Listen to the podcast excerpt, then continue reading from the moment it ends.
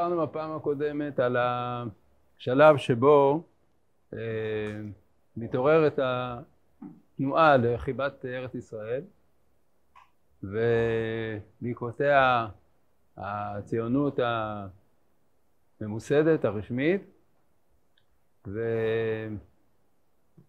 ובתקופה של אה, בין שני המאורעות האלה, דהיינו בין אמצע המאה ה-19 למניינם לסוף המאה ה-19, אה, כבר הייתה עלייה משמעותית לארץ ישראל שנקראת עליית הבילויים או העלייה הראשונה.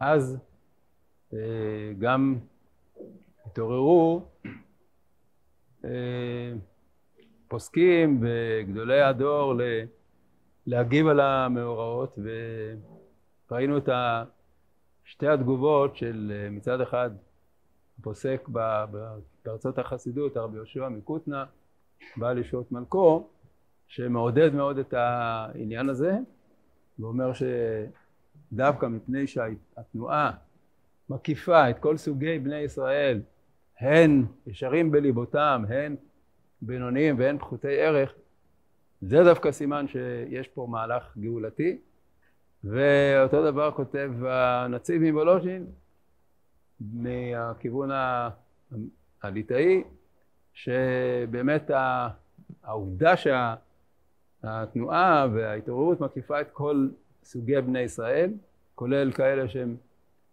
אה, ממש רחוקים מתורה זה דווקא אה, סימן שהוא צריך לעודד אותנו ולראות בזה אה, התחלה של מהלך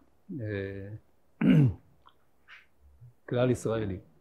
עכשיו הקונגרס הציוני הראשון בהנהגת הרצל התקיים בשנת תרנ"ז 1897 1897 ואז זה כבר היה משהו שהוא מאוד רשמי וממוסד קונגרס גדול של עשרות עשרות אה, נציגים מכל אה, קצות העולם היהודי ומדברים על אה, תוכניות מעשיות מאוד רציניות ואז באו תגובות נוספות לדבר הזה, לתנועה הציונית. אז מצד אחד יהודי בשם רב אברום סלוצקי הוציא חוברת שקרא לה בשם שיבת ציון ובה הוא מביא מכתבים של הרבה מאוד רבנים שתומכים בציונות, תומכים במהלך. משם גם לקח, לקחנו את הפעם הקודמת את המכתב של הנציב.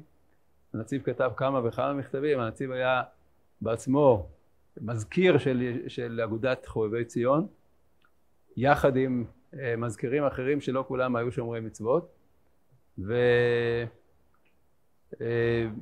ובתגובת אה, נגד ובאותה שנה, זה בתר"ס, דהיינו 1900, גם יצא הקונטרס הזה של שיבת ציון, וגם קונטרס אחר בשם אור לישרים, אה, שהוא נגד הציונות, והוא מביא גם כן מכתבים של גדולים, אה, גדולי הדור.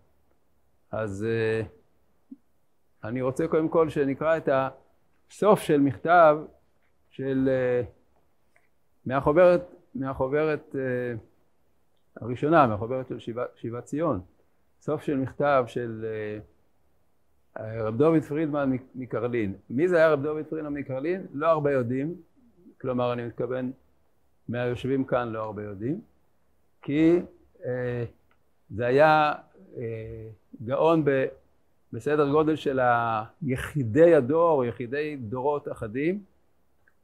אה, הוא כתב בסך הכל ספר אחד על אה, אבן העזר בשם יד דוד, שהוא ב, בלמדנות אה, מאוד מאוד יוצא דופן על כמה סימנים באבן העזר.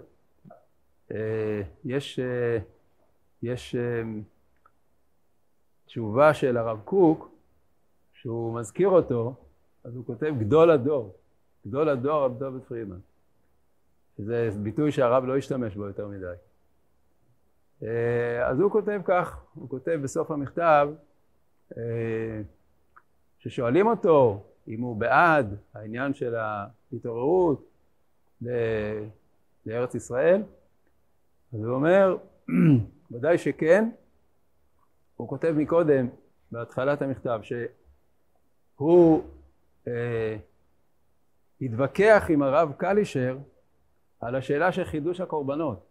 הרב קלישר, שהיה כמה עשרות שנים לפני כן אה, בעד אה, יישוב ארץ ישראל, רצה גם, רצה גם ל... לדון, או יותר מאשר לדון, לעשות מעשים בקשר לחידוש עבודת הקורבנות. והוא כתב בספר דורש לציון, שבו הוא עוסק גם בנושא הזה.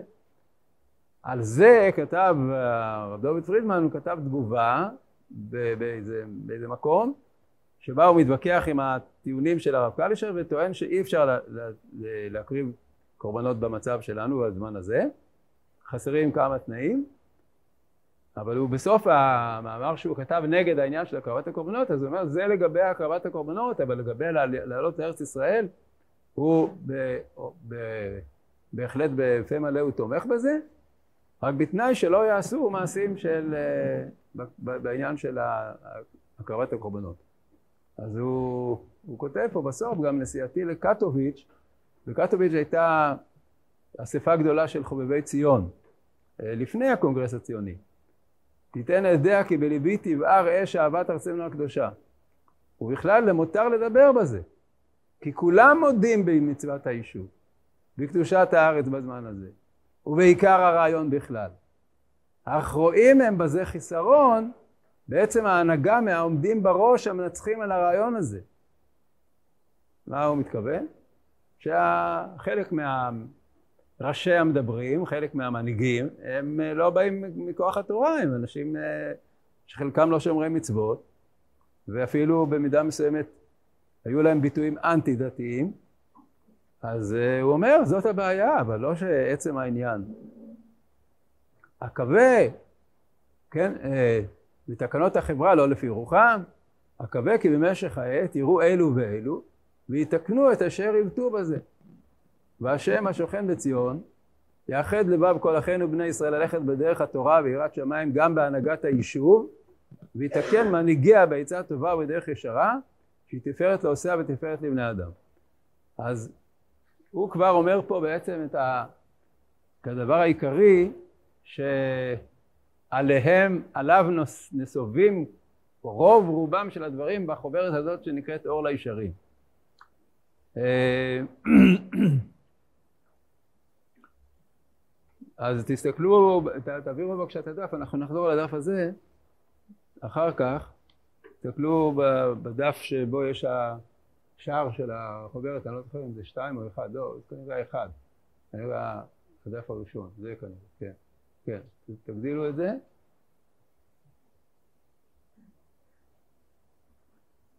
זאת, זאת החוברת אור לישרים, ורשה תר"ס בדיוק אותה שנה שבה יצאה החוברת שיבת ציון, נגד השיטה הציונית.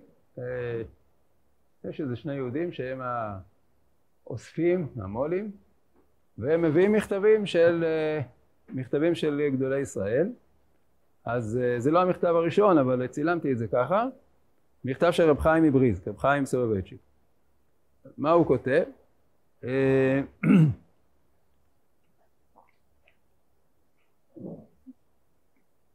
כן קראתי יתר דבריו בנידון כת הציונים שנתחברו ונתאגדו עתה בחוזקה. ולא אבוש מלומר כי לא אדע איך למצוא מסילות לצאת נגדם.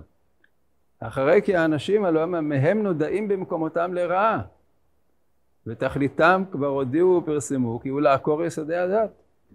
ולתכלית זה גם לכבוש את כל מקומות מושבות ישראל, בכדי שיהיה זאת לעזר למטרתם. וכאשר כבר הודיעו את כל אלה בגילו מחשבתם במכתבי עיתים, כלומר בעיתונים. ומה נוכל עוד להוסיף דבר בזה, האם יאמנו דברינו עליהם מאשר הם אומרים ומגלים בעצמם? טוב, אז למה הוא, מת, הוא מתכוון? הוא מתכוון לזה שהיו בין המנהיגים של הציונים כאלה שאמרו הציונות דבר אין לה עם הדת, הציונות זה לא דבר שהוא דתי, זה דבר שהוא לאומי, ואם כך, אז הוא אומר, אם כך, אז התוכנית שלהם היא להפוך את עם ישראל לעם שפורק את התורה מעליו. וממילא מה, מה, מה יש לדבר? ודאי שאני מתנגד לזה וכולי. אה, זה הרב חיים, אחר כך תעברו לדף השני.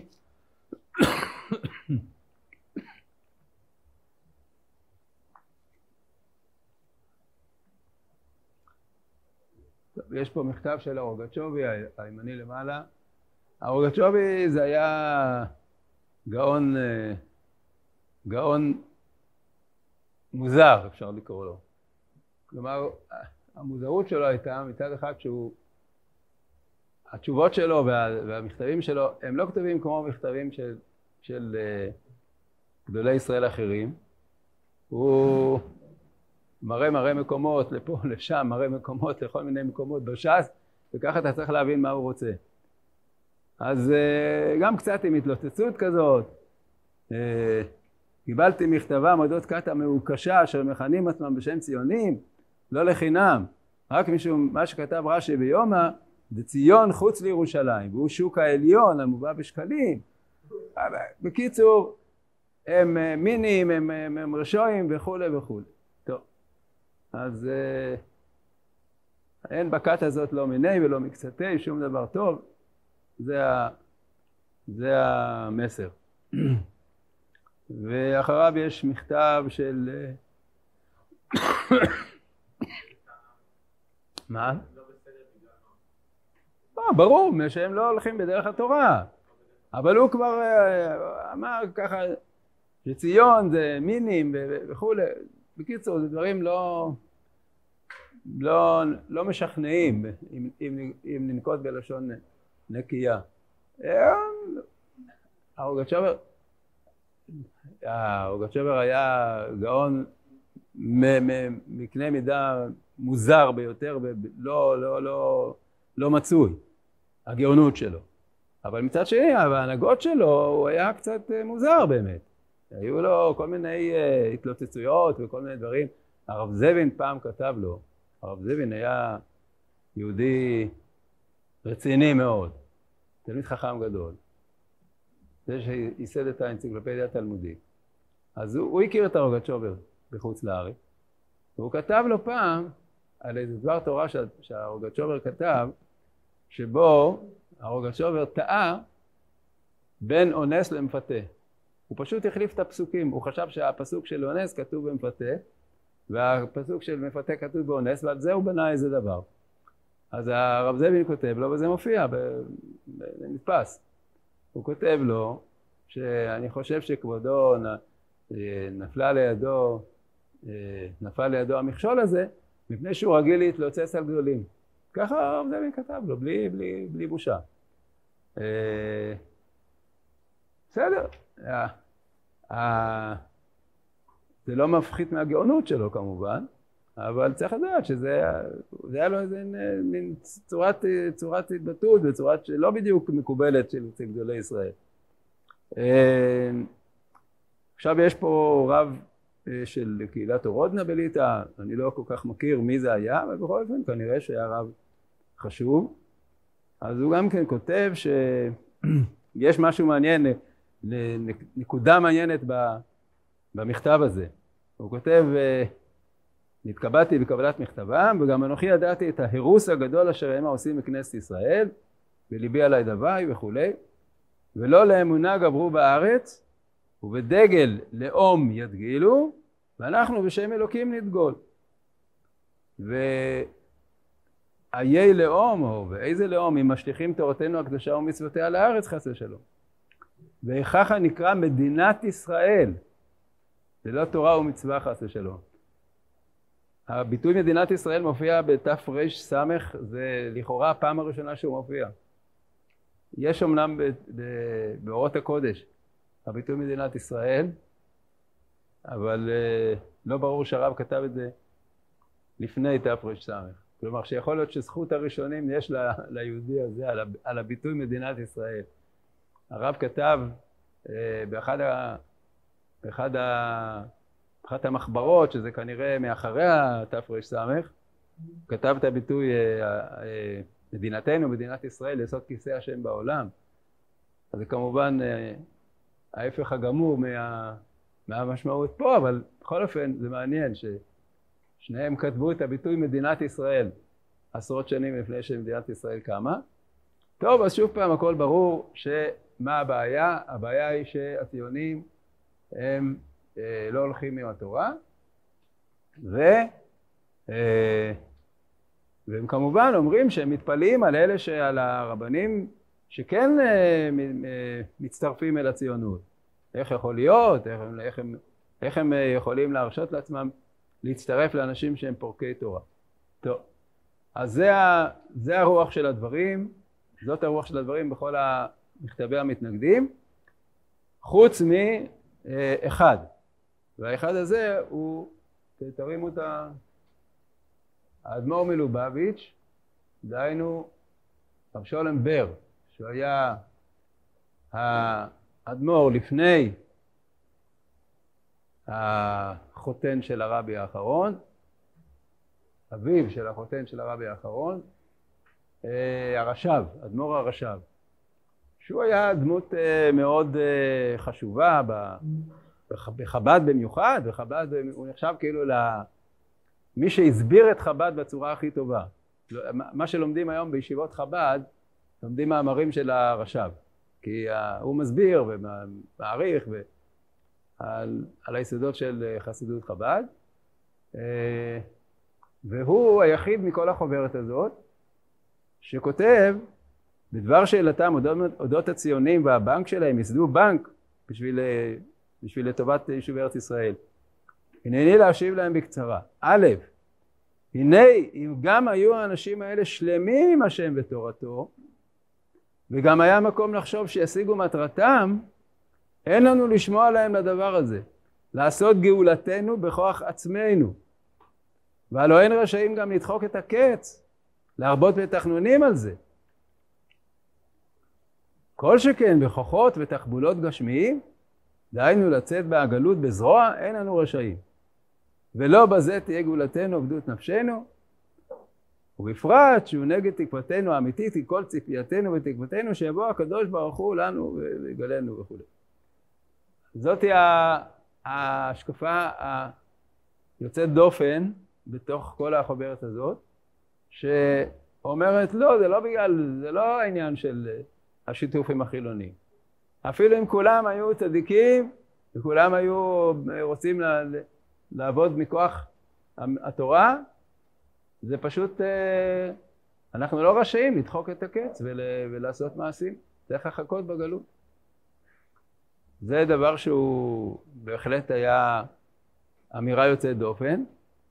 אה, אנחנו מכירים את זה מתקופה יותר מאוחרת בשיטה של אה, סאטמר, אבל באותו דור של תחילת הציונות זה היה קול אה, בודד. רוב הגדולים ככולם, כפי שכתב רב דוד אה, פרידמן, הוא כתב שכולם מודים בזה ש... שבעיקר הרעיון. רק רואים חיסרון בהנהגה. אז אם הוא אומר כולם מודים, אז יכול להיות שיש אחד שהוא לא מודה, אבל רוב, רובם ככולם, רובה ככולם. אה, טוב, אז אה, אלה הם התגובות, וכן. מה? כן, השלושת השבועות. עכשיו, לגבי שלושת השבועות כבר אמרנו בפעם הקודמת, עוד מעט אנחנו נראה, טוב, נקרא קודם אולי את, ה, את המכתב של האור שמח. אה, בדף ה... עוד לא, זה שעוד לא ראינו. אה, סליחה, הראשון שראינו, כן, זהו. המכתב הזה הוא קול קורא לטובת קרן היסוד מה... מהאור שמח. אני זוכר שהרצוד היה אומר שלטובת קרן היסוד זה, זה חידוש יותר גדול מאשר, מאשר, מאשר עשו גדולים אחרים. הרב קוק היה בעד קרן קיימת לישראל, אבל לא בעד קרן היסוד, כי קרן היסוד כנראה שבתקנון שלהם הם, הם כנראה כתבו דברים מפורשים שהם, שהם לא רוצים שה, שיהיה לזה קשר עם הדת. ובקרן קיימת זה היה הכל דברים חיוביים על גאולת הארץ וכולי. אז אה, רב ציודה אמר שזה עוד יותר, עוד יותר קיצוני מאשר, מאשר הרב קוק, שהוא כתב קול קורא לטובת קרן היסוד. אני לא יודע מה בדיוק היה כתוב שם בתקנון, לא משנה. בכל אופן, אה, האור שמח כותב ש... טוב, בהתחלה יש הקדמה על עניין של ארץ ישראל, ומאיסה בארץ חמדה, וכל הדורות אנחנו מתפללים ומחכים לשבות ציון, לשבות ציון מירושלים.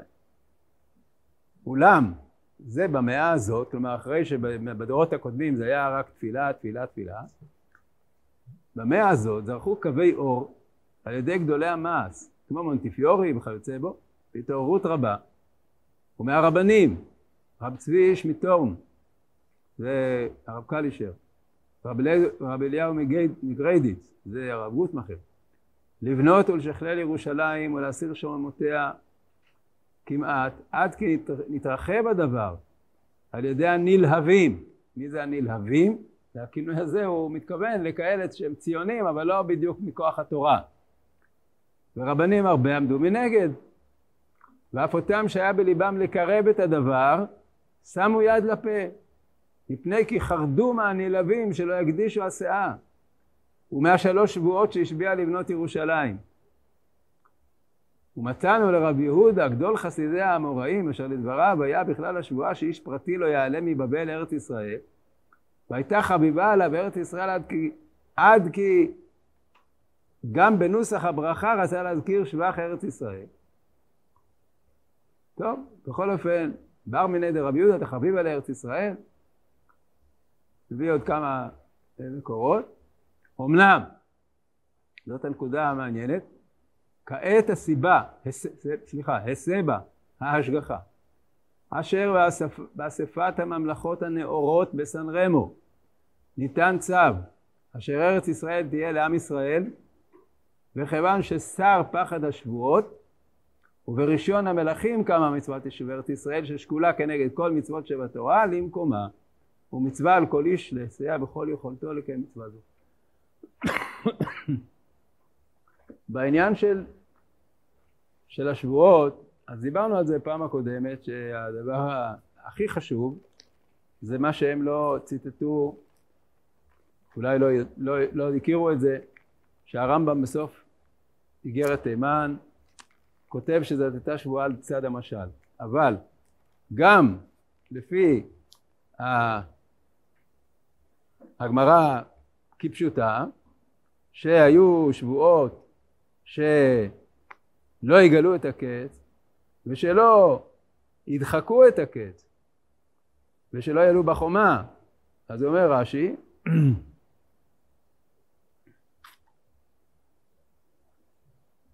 דרך אגב יש גרסה שלא ירחקו את הקץ לא, לא שלא ידחקו את הקץ אבל לא משנה כרגע. אמ, שלא יעלו בחומה יחד ביד חזקה רש"י אומר בפירוש שהדבר הזה שלא יעלו בחומה זה לעלות ביד חזקה. מה זאת אומרת ביד חזקה? ולבוא לכבוש את הארץ. מה שעשו הציונים, מה שעשתה התנועה הציונית, זה בדיוק ההפך מיד חזקה. עשו את הדברים בצורה הכי לגיטימית, קנו קרקעות אה, מבעלי הקרקעות, אה, עשו פעולות של התיישבות חקלאית, שום יד חזקה, אף אחד לא היה לו אבא מינה בכלל. לא היה בכלל מציאות כזאת של לבוא לכבוש את הארץ. זה היה פשוט להתיישב בארץ. רק שאם היה להתיישב בארץ בדורות שלפני כן, אחד מעיר ושניים במשפחה, באים לצפת או לטבריה או, או לירושלים ובעצם אין להם ממה לחיות פה, אבל חיים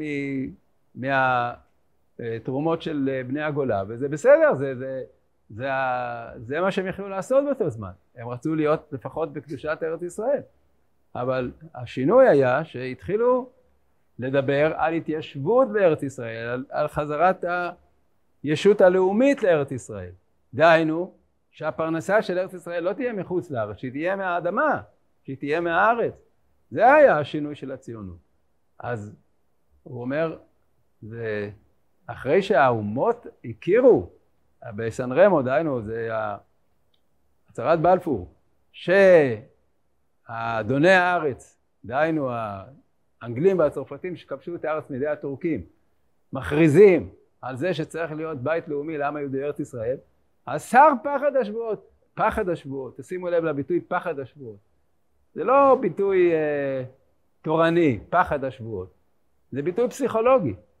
הוא אומר זה היה פחד, זה לא היה משהו שהוא באמת, אה, באמת דבר שצריך להיות, על פי דין צריך להיזהר בגלל השבועות האלה. אז כפי שאמרנו ברמב"ם זה כתוב במפורש, שזה היו שבועות על צד המשל, זה לא היו שבועות בכלל, לא הייתה שום שבועה. ואם לא הייתה שום שבועה אז אין שום בעיה של איסור. אלא מה היה פחד השבועות? אז, אז הפחד השבועות צר, הוא אומר. זה עכשיו רשמי, ב, ב, ב, ברישיון האומות. אז שבה מצוות יישוב ארץ ישראל למקומה. אה, טוב, הוא מוסיף אה, שבזמן בזמן עזרא, שהיו נביאים, היו מחזיקים אותם. אז ברור שזה היה הרבה יותר קל כאשר אה, יש נביא שהוא אומר לך שכך צריך לעשות. אבל אה, גם כשהארץ אה, נחרבה בחורבן בית שני כשלא היו נביאים, אז כנטילתו, כך נתינתו, שכשהיא נחרבה היא נחרבה כשלא היו נביאים, כך גם נתינתה, שהיא תיבנה, היא תיבנה כשאין נביאים. אכן במופלא ממך אל תחקור, כי זה תלוי בהופעת אור אלוקי לראות את כל העניינים הכלליים וכעניינים הציבוריים שיהיו על טהרת הקודש כמו שעשו אנשי כנסת הגדולה אבל יהיה איך שיהיה מצוות יישוב ארץ ישראל לא נפטר מזה כל מי שבכוחו יעשה מה הוא אומר פה? הוא אומר פה דבר עקרוני מאוד הוא אומר אתם יודעים מה זה מזכיר? שיש אנשים שאומרים לא ללכת לצבא, למה? כי תתקלקל שם. איזה מין, איזה מין טענה זאת, תתקלקל שם. אתה חייב ללכת לצבא, כן, אתה חייב ללכת לצבא, אבל ש, שלא תתקלקל שם. אז משל למה הדבר דומה? לאחד שאומרים לו, אה, אתה יודע איפה אפשר לקנות אתרוג? בתל אביב. בירושלים אין עכשיו אתרוגים. אז הוא יגיד, לא, אני לא אסע לתל אביב, בתל אביב אני אתקלקל. זו טענה? זה חולשת השכל וחולשת הרצון, זה, זה פשוט אה, בושה להגיד טענה כזאת. אם בן אדם חייב, אז הוא לא יכול להגיד אני אתקלקל שם, לכן אני לא... אתה חייב, אתה רוצה לקיים מצווה, אתה רוצה לעשות מה שצריך, אז איזה מין טענה זאת אני אתקלקל שם? אתה לא מאמין שאתה חייב, אתה לא מאמין שאתה יכול. המצוות זה, זה, זה בשביל אנשים אה, אה, אחרים.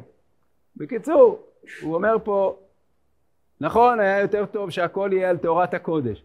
אבל יהיה איך שיהיה, מצוות יישוב ארץ ישראל לא נפטר מזה, כל מי שבכוחו יעשה. זה מזכיר קצת גם את העניין של חזקיהו, ש... שאמר לו ישעיהו מת אתה ולא תחיה, שאתה לא עוסק בפריה ורבייה, אז הוא אמר אני רואה שיצאו ממני בנים לא טובים. הוא אומר לו מה, מה, מה איזה מין תירוץ זה?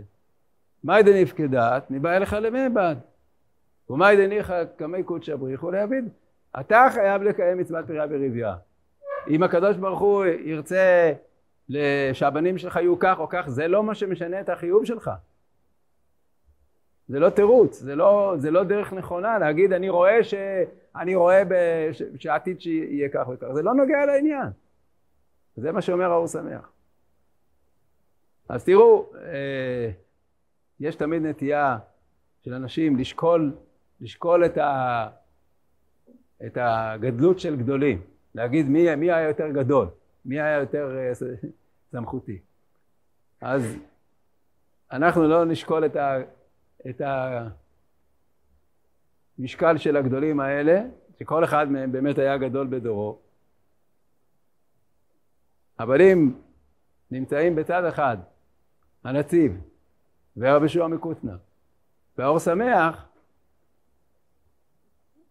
אין כבר מה, אין כבר מה להתווכח, כאילו, בסדר, אז אמרו חששות, אז בסדר, חששות מובנים, זה לא ויכוח.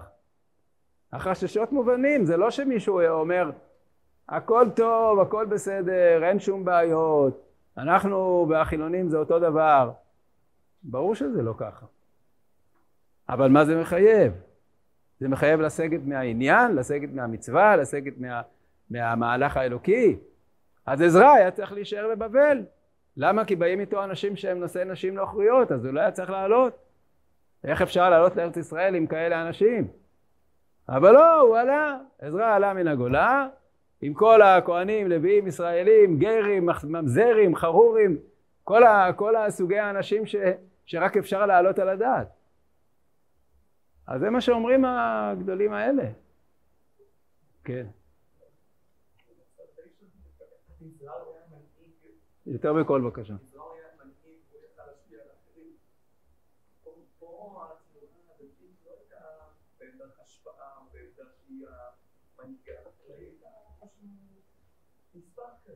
בסדר, אז השאלה, השאלה אם, השאלה אם אתה מנהיג או לא, היא גם כן שאלה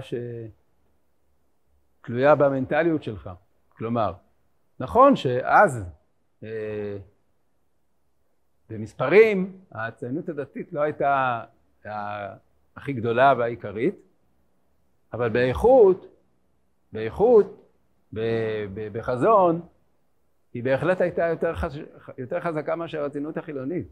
כי הציונות החילונית היה, היה בה, הייתה בה אמירה מצד אחד מאוד אה, חשובה, שצריך לחזור לחיים נורמליים, צריך לחזור לריבונות, צריך לחזור לארץ ישראל, אבל מצד שני, כפי שאנחנו יודעים, כשהחזון הוא לא מבוסס על אידיאלים גדולים, אלא רק על צורך, מה קורה איתו?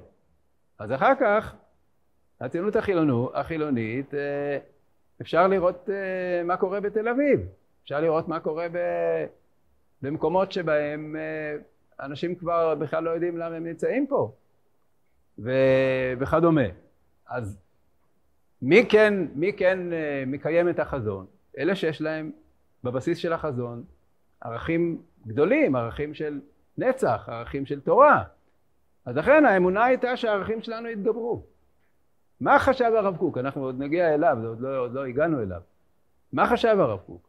הוא לא ידע את כל הבעיות, הוא לא ידע שיש מנהיגות אה, אה, חילונית שהיא כפרנית וכולי וכולי, אבל הוא היה בטוח שהכוח של האמונה והכוח של החזון הדתי בסופו של דבר ינהיג, ובסופו של דבר יסחוף את, ה, את, ה, את התנועה ל, ל, לאן שראוי שהיא תהיה. כמו שאומר, אומרים כמה כאן, הרב דוד פרידמן אומר, שהוא, השם השוכן בציון, יאחד לבב כל אחינו ובני ישראל ללכת בדרך התורה ויראת שמיים גם בהנהגת היישוב. אפשר להגיד, טוב, הוא אומר את זה בתור איזה ברכה, בתור איזה איחול. אבל הרב חשב, הרב קוק חשב שזה לא רק סתם ברכה, זה דבר שיכול לקרות. אז את, אתם חושבים ש... אתם חושבים שזה... זאת הייתה תקוות שווא?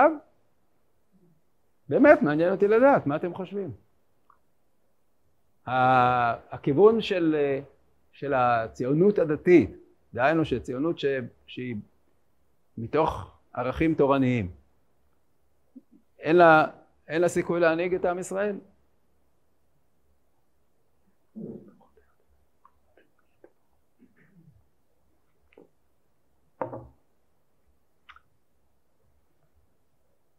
שתיקה מביכה, מה קורה? מה?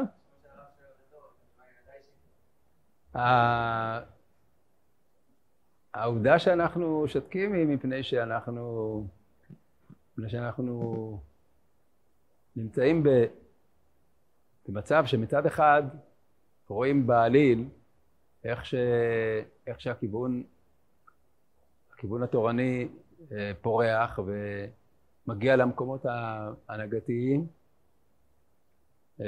אפשר לראות את זה אפילו בצורה טכנית, בזה שכמה מהקודקודים של מוסדות המדינה, כמה שזה היה נראה מופרך פעם, שיהיה רמטכ"ל דתי, ראש ממשלה דתי, ראש שב"כ דתי, זה היה נשמע כאילו אתה מדבר שטויות. ברוך השם הכל קורה. זה עדיין לא אומר שכל ההנהגה של המדינה היא, היא ציונית דתית, אבל uh, אני חושב שכל אחד יכול להרגיש שה, שהכוח שלנו, הכוח הרוחני והאידיאולוגי, הוא הכוח הכי חשוב, הוא הכוח הכי חשוב במדינה. תראו את, ה, תראו את המצב של הציבור החילוני. היום יש מעט ציונים בציבור החילוני, מעט כאלה שהם הם עם, עם הרוח הציונית של אז. לא יודע כמה מעט, אבל ודאי מעט. ו... והציבור החרדי הוא מצד אחד אה, מחזיק בתורה כמובן, מצד שני הוא נגרר אחרי המציאות, כלומר, כאילו, כן, לאט לאט מתחילים להבין שההשתלבות במדינה וכולי, זה דבר הכרחי, זה דבר שהוא בסופו של דבר לעתיד של עם ישראל, זה יגיע, זה יגיע. הציבור החרדי הולך ונפתח במובנים, במובנים אידיאולוגיים. אני לא מתכוון חלילה לנפתח במובן השלילי, כי גם זה קורה. כלומר שהוא כבר מנכס לעצמו כל מיני אה, אורחות חיים של התרבות הכללית שהם לא בדיוק לטובתו, ו... וזה הולך שם ו... ו... וחודר דרך האינטרנט, דרך כל מה שקורה. אבל מצד שני יש גם התפתחות חיובית, ההתפתחות הזאת שאומרת אנחנו חלק, מה... אנחנו חלק מעם ישראל, אין מה לעשות, אנחנו רוצים להשפיע על עם ישראל. אז בסופו של דבר, תיקחו את היהדות הציונית הדתית, על כל גווניה, ואת היהדות החרדית, ותחשבו אם, אם זה יכול להיות כוח מנהיג של המדינה. זה שאין לכם ביטחון להגיד את זה, כן, ברור, זה מפני שאנחנו עוד בשלבים שהם שלבי ביניים, אבל, אבל הרב היה במש... בשלב הרבה הרבה הרבה הרבה רחוק מזה. והוא אז אמר בכל, בכל תוקף ובכל ההחלטיות, ש, שזאת תהיה, תהיה האמירה האמיתית של הציונות. הוא, הוא קרא לזה דגל ירושלים, טוב נדבר על זה. בכל אופן, סיכום, מה שפה ראינו היום זה שהתגובות לתנועה הציונית התפלגו לשניים בעיקר, אלה שתומכים באופן חד משמעי למרות הקשיים, ואלה שמתנגדים בגלל הקשיים, בגלל הקשיים של שיתוף פעולה עם אנשים שלא באים בשם התורה. ו... ראינו שיש עמדת יחיד שעדיין מדברת על זה שהגאולה צריכה להיות לא, ב, לא במאמצים שלנו. אגב, זה השתנה מהקצה אל הקצה בדורות הבאים של האדמו"רי חב"ד. האדמו"ר הרייץ שהיה בנו של הרש"ב כבר הקים את כפר חב"ד ביקר בארץ ואמר שצריך להקים פה התיישבות של חסידים. זה כבר אחרת מאשר אמר אבא שלו, ושאלו אותו, אני בענייני חב"ד קצת בעניינים, אתם יודעים. שאלו אותו, שהאדמו"ר הרש"ב אמר שצריך לחכות. הוא אמר לא כימים הראשונים, הראשונים הימים האלה. זה מה שהוא ענה. לא כימים הראשונים, הימים האלה. מה שאמר האדמו"ר הרש"ב בזמנו ב- ברוסיה, זה לא מה שצריך להגיד עכשיו. ומתי זה העכשיו הזה? בתחילת המאה העשרים, כשהוא ביקר פה בארץ. ומה לגבי האדמו"ר האחרון שבא אחריו? כולם יודעים שלא היה מאורע אחד של מדינת ישראל שהוא לא היה מעורב בו, עם ראשי המדינה, עם עצות לכל מיני דברים, במלחמות, במשא ומתן המדיני, בכל דבר, הוא היה מעורב בכל דבר. למה? כי לא קיימים הראשונים הימים האלה. הדברים משתנים, הדברים משתנים לכיוון של ריבונות יהודית בארץ ישראל. אז אה, למה הוא לא עלה לארץ? בסדר, קשיא. אפשר למצוא תירוצים לקושייה הזאת, אבל uh, ברור שהוא שינה את, ה... שינה את הגישה שלו. שמעתי פעם מהרב שלמה פישר, זיכרונו לברכה, שהוא אמר, הרבי מלובביץ' היה יכול להיות ציוני גמור, אלמלא שהוא הרבי מלובביץ', שהוא ממשיך את המסורת של אבותיו. כך אמר רב שלמה. שלמה היה גאון ו... ומבין עניין. בסדר, אבל אנחנו לא, לא, לא אמורים, ל... לא אמורים ל... לתת אה, טיעונים והערכות, רק פשוט לתאר את המציאות, לתאר את ההיסטוריה הזאת. אז אה,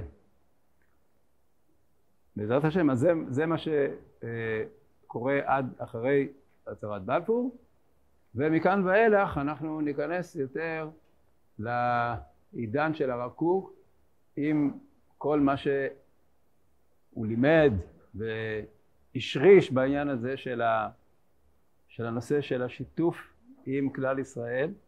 זה נושא שצריך ללמוד אותו. זה לא נושא לא פוליטי ולא אידיאולוגי במובן הפשוט של המילה, זה נושא לימודי.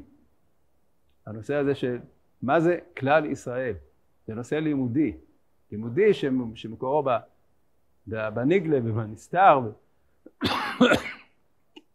רק כך אפשר להבין לעומק מה בעצם השקפת העולם שעליה אנחנו יושבים, אני מתכוון אנחנו, לישיבות ההסדר. יש לנו, יש לנו תשתית רוחנית עמוקה שצריך להבין אותה.